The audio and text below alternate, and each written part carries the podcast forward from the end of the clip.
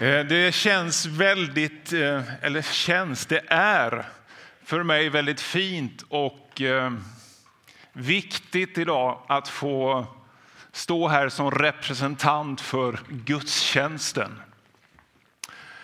Mitt i den här tillvaron som vi lever i, att man får samlas till gudstjänst, få lovsjunga, få bedja, få lyssna till Herrens ord tillsammans och ta del av detta som vi redan fått höra att mitt i mörkret så, så finns där ljus.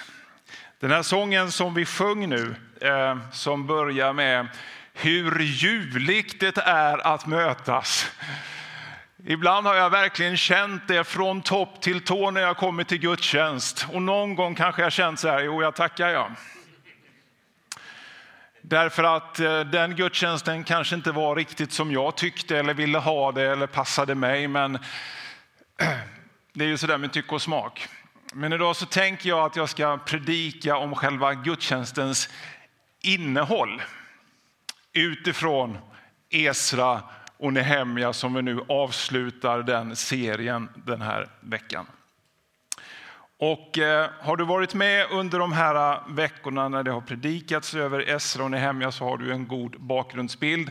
Eh, jag tänker inte summera så mycket idag, men jag hoppas även om du kanske är här och hoppar mitt in i slutet här nu då, ändå att du ska få ut någonting av den här predikan som då har gudstjänsten som tema. Ehm, för att det här nu ska bli så bra som det bara kan bli så ber vi tillsammans.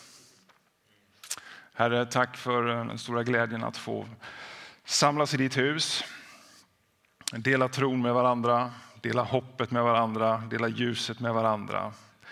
Och eh, nu ber jag för den här delen som eh, är av förkunnelse av ditt ord. Jag ber om att du öppnar alla våra hjärtan för ditt ord och vad du vill säga och du hjälper mig att förkunna och du hjälper oss alla att ta emot. Jag ber om det i Faderns, Sonens och den helige Andes namn. Amen. Jag har några punkter som jag skulle vilja ta med er igenom idag. Och den första är kallelsen till gudstjänsten. Det är offrandet i gudstjänsten, det är lovsången i gudstjänsten, det är predikan i gudstjänsten och det är gudstjänstgemenskapen. Och predikan i gudstjänsten, den punkten predikar jag ganska mycket för mig själv, men jag tänker att du får dela den punkten med mig idag. För det är viktigt för oss som predikanter att påminna oss om vad det egentligen vi ska predika om. Nu när man utgår ifrån gamla testamentet och ska försöka överföra det till våran tid så är det ju mycket som skiljer. Alltså det är ett helt annat och gammalt förbund i gamla testamentet. Och när vi rör oss in i nya testamentet där vi lever så är det ju ett nytt och enligt brevbrevet ett bättre förbund. Eh, men vi har ändå en del där att hämta. Eh, likheter, stora skillnader och det här ska jag då försöka och förstås som ett styckverk ändå behandla lite granna. Eh, själva tanken med att folket kommer tillbaka ifrån exilen i Babylon till Jerusalem, det är ju att återigen etablera gudstjänstlivet. Att återigen låta Jerusalem vara en plats för Guds närvaro, för Guds tillbedjan, för bön och Guds härlighet. Och eh, I Esra kapitel 1 så, så står det här att eh, under den persiske kungen Kyros första regeringsår så ingav Herren en tanke hos Kyros. Det är alltså inte folket som väldigt mycket längtar tillbaka i första hand. Det är inte någon kung som helt plötsligt kommer på någonting av sig själv, utan det är Herren som talar och Herren som gör någonting och Herren som tänker att sitt folk ska tillbaka till Jerusalem och upprätta gudstjänstlivet igen. Och detta gör han också för att han ska stå fast vid sitt ord. Därför att det står också för att det som Jeremia hade sagt långt tidigare skulle gå i uppfyllelse. Så det är Herren som tänker om sitt folk. Han har sagt det tidigare och nu uppfyller han sitt ord. Och av det kan vi lära oss av att Herren alltid står fast vid sitt ord. Det är viktigt att tänka på. Var vi nu är någonstans i livet, men det Herren har sagt, det kommer han att lova, det kommer han att hålla, det kommer att ske så småningom. Eh, det är ju faktiskt så likadant när vi i en annan fångenskap i Egypten många år tidigare. Så när, eh, när Mose och Aron kommer till farao så har de en hälsning till farao. Släpp mitt folk så att de kan gå ut i öknen och fira högtid till min ära. Så Herren kallar till gudstjänst. Och eh, det står inte, vad jag vet, uttryckligen någonstans i Nya testamentet om att Herren gör så. Men det är en sån självklar del. Man bara fortsätter i sabbatsfirandet och sen så fortsätter man med samlingarna i hemmahuset. Så det bara pågår tillsammans, tillsammans, tillsammans. Och detta tillsammans-ordet återkommer jag med lite senare. Så första punkten, Herren har kallat oss hit idag.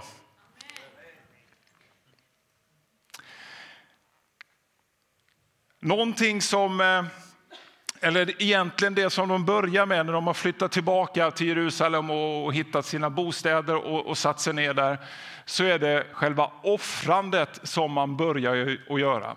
Alltså, man bygger ett offeraltare först utav allt för att börja offra till Herren. Och tredje Mosebok det är en fantastiskt intressant bok om man är intresserad av offertjänst och liknande.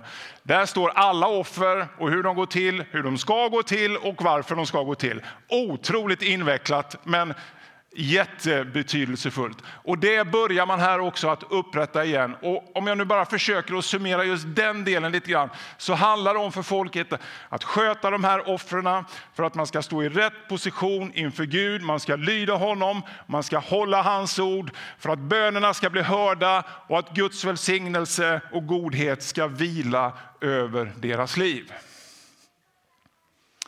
Men när vi kommer hit idag på en söndag så ska vi väl inte påstå att det är offrandet av djur som står i centrum.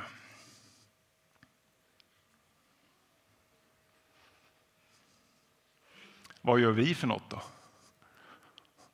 Vi kommer hit och sen jublar vi och sen tar vi emot det offret som redan har offrats för oss alla. Så när Johannes döparen ser Jesus en dag så säger han så här. Se, där är Guds lamm som borttager världens synd. Anledningen till att han säger lamm det är för att lammen slaktades i det gamla förbundet, men nu kommer någonting nytt. Du vet, vi behöver inte hålla på och anstränga oss och blodet sprutar. Nej, vi tar emot offret som redan är offrat för vår skull och blodet som har runnit för vår skull. Och jag, jag eh, tycker väldigt mycket om den bilden som Jesaja får se och skriver ner. Och den står i 53 kapitlet när han liksom får se offret som ska bli för alla människor en dag. Och då står det så här. Men det var våra sjukdomar han bar, våra plågor som han led när vi trodde att han blev straffad, slagen av Gud, förnedrad. Han blev pinad för våra brott, sargad för våra synder. Han tuktades för att vi skulle helas. Hans sår gav oss bot. Vi behöver inte hålla på och offra grejer längre. Vi behöver bara i tro ta emot det offret som redan har offrats för vår skull.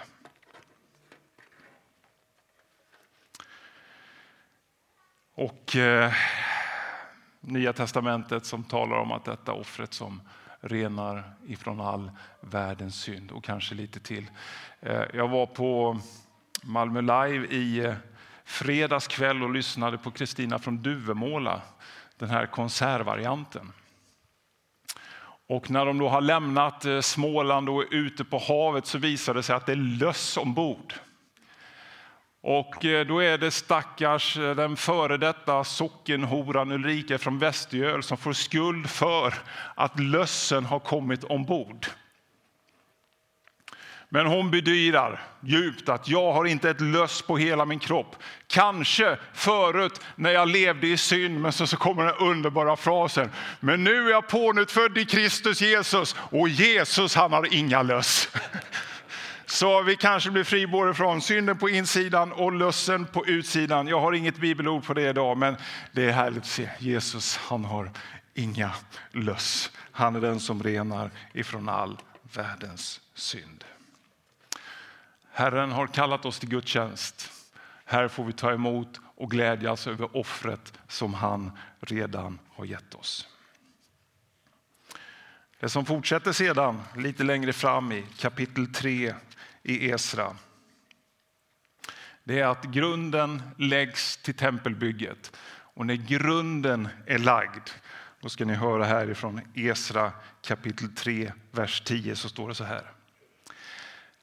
Att när de som byggde hade lagt grunden till Herrens tempel så steg prästerna i full skrud fram med trumpeter och leviterna Asafs söner med symboler för att lovsjunga Herren efter de anvisningar som eh, getts av David, Israels kung.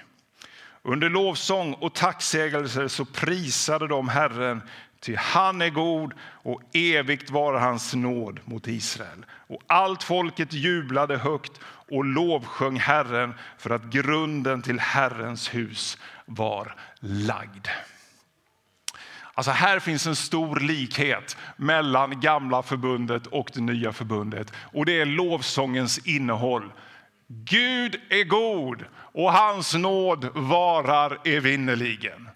Gud är god och hans nåd varar evinnerligen. Samma innehåll då som nu. Och kära vänner, låt oss hålla den lovsången levande. Jag hittar en liten detalj här och jag tänker att det kanske är ett tilltal till någon här idag. Låt mig ändå pröva. Att det är när grunden är lagd, alltså alldeles i början som lovsången bryter fram hos det här folket. Och eh, grunden i det nya testamentet den är ju lagd när Kristus Jesus har fått kommit in i våra liv. Då är, då är grunden lagd och därpå kan det byggas precis vad som helst. Nej, inte precis vad som helst, men precis vad som helst som Gud tänker kan byggas. Det, det kan byggas där, när grunden är lagd. Nu har jag märkt på mig själv ibland och på några av er att lovsången tystnar Därför att vi kanske bara just ser grunden.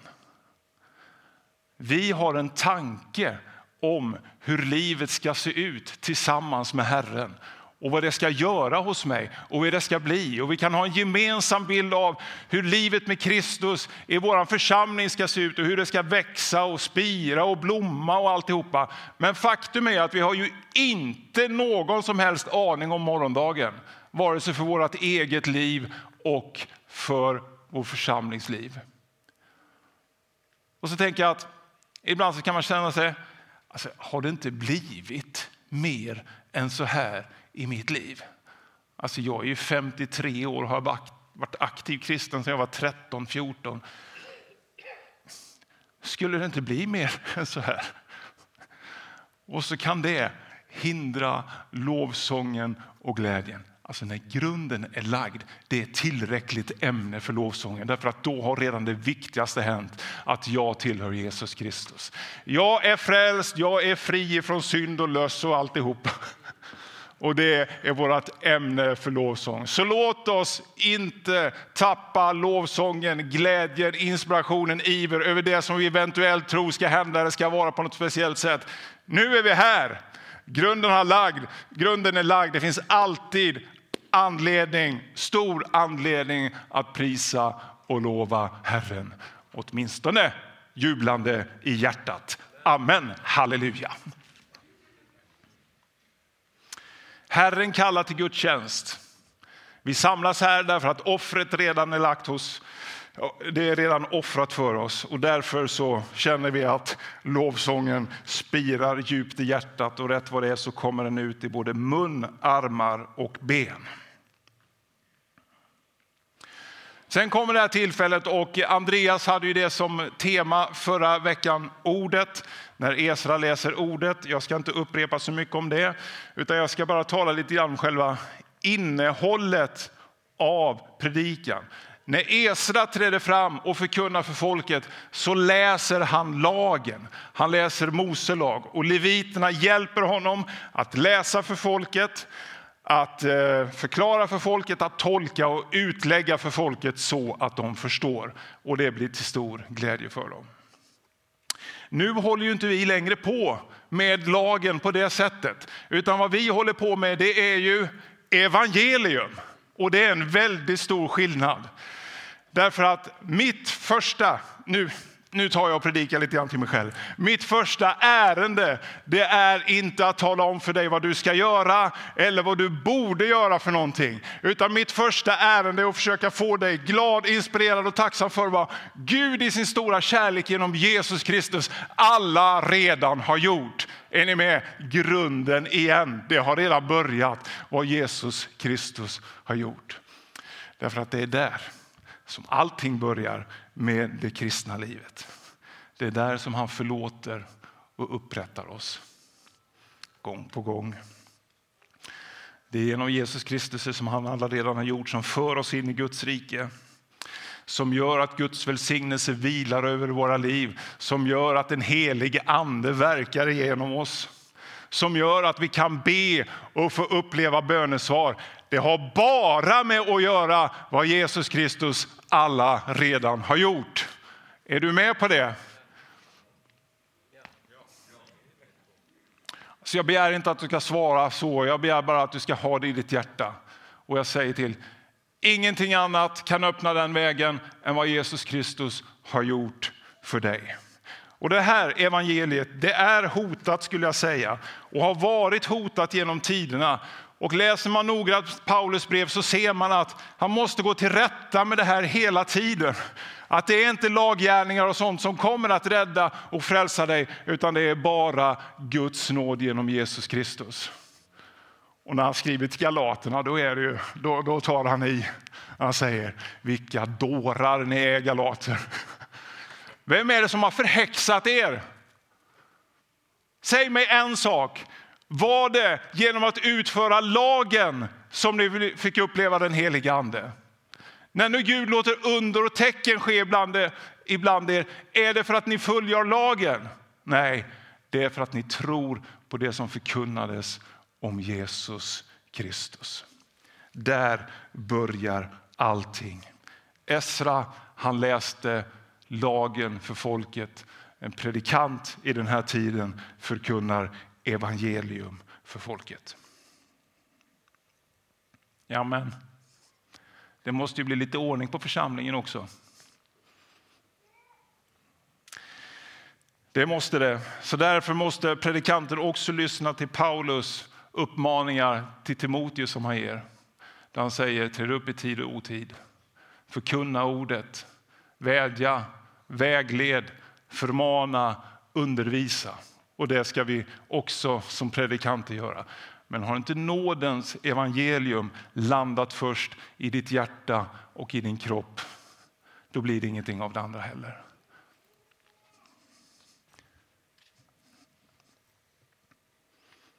Han kallar oss till gudstjänst. Vi firar att Jesus Kristus har offrats för våra synder. Lovsången ljuder, predikan hörs. Och allt detta gör vi tillsammans i gemenskap. När de där 40-50 000 människor kommer tillbaka från Babylon och, och eh, börjar återuppbygga templet, insätta gudstjänsten och det igen så, så gör man det tillsammans. Man offrar, man lovsjunger, man lyssnar på lagens utläggning tillsammans. Och hade jag nu varit på någon annan plats i något annat sammanhang så hade jag sagt till dig, vänd dig till din granne och säg tillsammans. Men nu är vi här så nu säger jag tillsammans. Folket gör det tillsammans. Vi gör det tillsammans. Eh, vi sjöng här för en stund eh, sen hur ljuvligt det är att mötas på väg till Jerusalem, en återlös syskonskara, när ensam man vandrar hem. Eh, hur har vi nu då? Ska vi vandra ensamma eller ska vi vara tillsammans? Eh, det är ju faktum som så att mycket av vår tid så är vi ju ensamma. Eh, med, med vårt liv och vad vi nu håller på med på dagarna och våra känslor och alltihopa. Men när det kommer till söndagen så behöver vi vara tillsammans och en dag annan i veckan också och kanske ytterligare en tillsammans. Alltså det finns inget alternativ till den kristna kyrkan än att vara tillsammans. Som en kropp, som vidträdet och så vidare. Att vara tillsammans. Jesu förbön för sina lärjungar när han lämnar dem säger han. Jag ber Fader att som jag är i dig och du i mig så ber jag om att de ska vara i oss för att de ska bli ett. Då ska världen förstå att du har sänt mig. Och då visar det sig i Esra och Nehemja bok att enheten, tillsammansheten också är hotad. Både av yttre anledningar och av inre anledningar. De inre anledningarna då de var ungefär som i början av apostlagärningarnas församling. Orättvisor och eh, med mat och alla sådana här saker. Och det kan vara så många olika saker som gör att vi har problem med tillsammanskapet. Vi kan bli besvikna, vi kan ha konflikter, vi kanske inte tål varandra och så vidare. Och så gör det att vi drar oss tillbaka ifrån gudstjänstgemenskapen. Och eh, därför så skulle jag nu vilja använda Paulus uppmaning till Timoteus att vädja. Håll enheten högt. Var generös. Var uppmärksam på sådana saker som vill splittra dig från dina systrar och bröder. Vad djävulen har för avsikt med detta, det vet vi. Han gillar att splittra nära relationer, att inte hålla ihop. Men Jesus vill att vi ska vara enade enhet. När eh, Hebreerbrevets författare uppmanar oss till att inte försumma våra sammankomster så har han just den här ska vi säga, approachen. Att uppmuntra varandra, att sporra varandra, att hjälpa varandra, att stå fast vid varandra. En inställning av generositet till varandra. Vi vet att det kommer inte bli himmel och paradis här, men vi kan jobba på att bevara den andliga enheten. För vi har inget alternativ, hörni. Vi måste vara tillsammans. Det går inte att leva det här på egen hand. Vi måste göra det tillsammans och då gör vi det tillsammans så bra vi kan.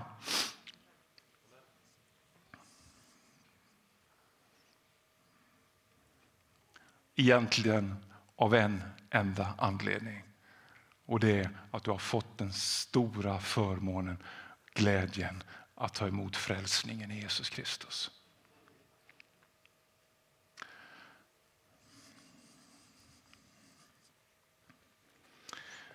Den här gemenskapen blir ju så vacker också, som eh, Johan berättade om här nu vi gör lite grejer, och, eller stora grejer, och sen så ser folk det och så blir det en rörelse av godhet att vara med och betjäna den här staden och människor som kommer hit. Är det inte vackert? Alltså helt plötsligt så bara blir det. Därför att du har varit här och bara fortsatt att vara med. Och Fortsätt att älska församlingen, fortsatt att ge och fortsatt att uppmuntra. Och ibland så gnäller vi, men sen så glömmer vi bort det och så fortsätter vi att uppmuntra och betjänar varandra. Och nu kommer jag till den sista delen av gemenskapen och generositeten. Och det är, Jenny nämnde det redan, att det har gått ner lite grann i kassan. Så kan det inte vara ibland. Oss, eh, det stod så här i Esra kapitel 2, tror jag det var. när Israels folk kommer upp så är det framförallt huvudmännen för familjerna som ger gåvor till tempelbygget allt efter sin förmåga. Alltså ingen begär av oss att ge över vår förmåga, även om Paulus talar om en församling som gjorde det. Men låt oss göra det vi kan. Låt oss... Lå Alltså att vi inte låter bli att göra det vi kan. Du vet när vi investerar i det här så investerar vi för våra barn och för våra barnbarn. Vi investerar för våra ungdomar, vi investerar för oss själva. Vi investerar för våra gamla på olika sätt för att den unge ska få lära sig om Jesus Kristus och för att din familj ska ha någon som klappar dem på ryggen och stöttar och uppmuntrar och hjälper dig vid din begravning. För att vi ska få komma fram här och välsigna våra barn. För att vi ska kunna ha någon som viger våra ungdomar. För att vi ska vara med och befästa gudstjänstlivet. Vara med och befästa vårt uppdrag att betjäna den här världen med det som Herren har gett oss. Amen. Nu ska jag bara summera en gång till. Att det är Herren som kallar oss. Du kan vara motiverad eller omotiverad att gå till Guds hus på söndagar, men Herren kallar oss att komma tillsammans. Offret, det är redan givet. Vi tar emot det och vi låter lovsången i våra liv träda fram på grund av det. Vi kommer hit och lyssnar på predikan, på undervisningen för att vi ska skickliggöras i tron på Kristus Jesus och skickliggöras att leva och tjäna honom. Och detta gör vi tillsammans. Tillsammans. När nu allt detta är sagt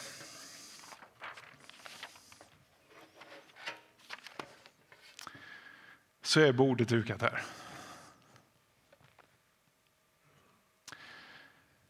Och ändå så finns det ingenting annat än just detta.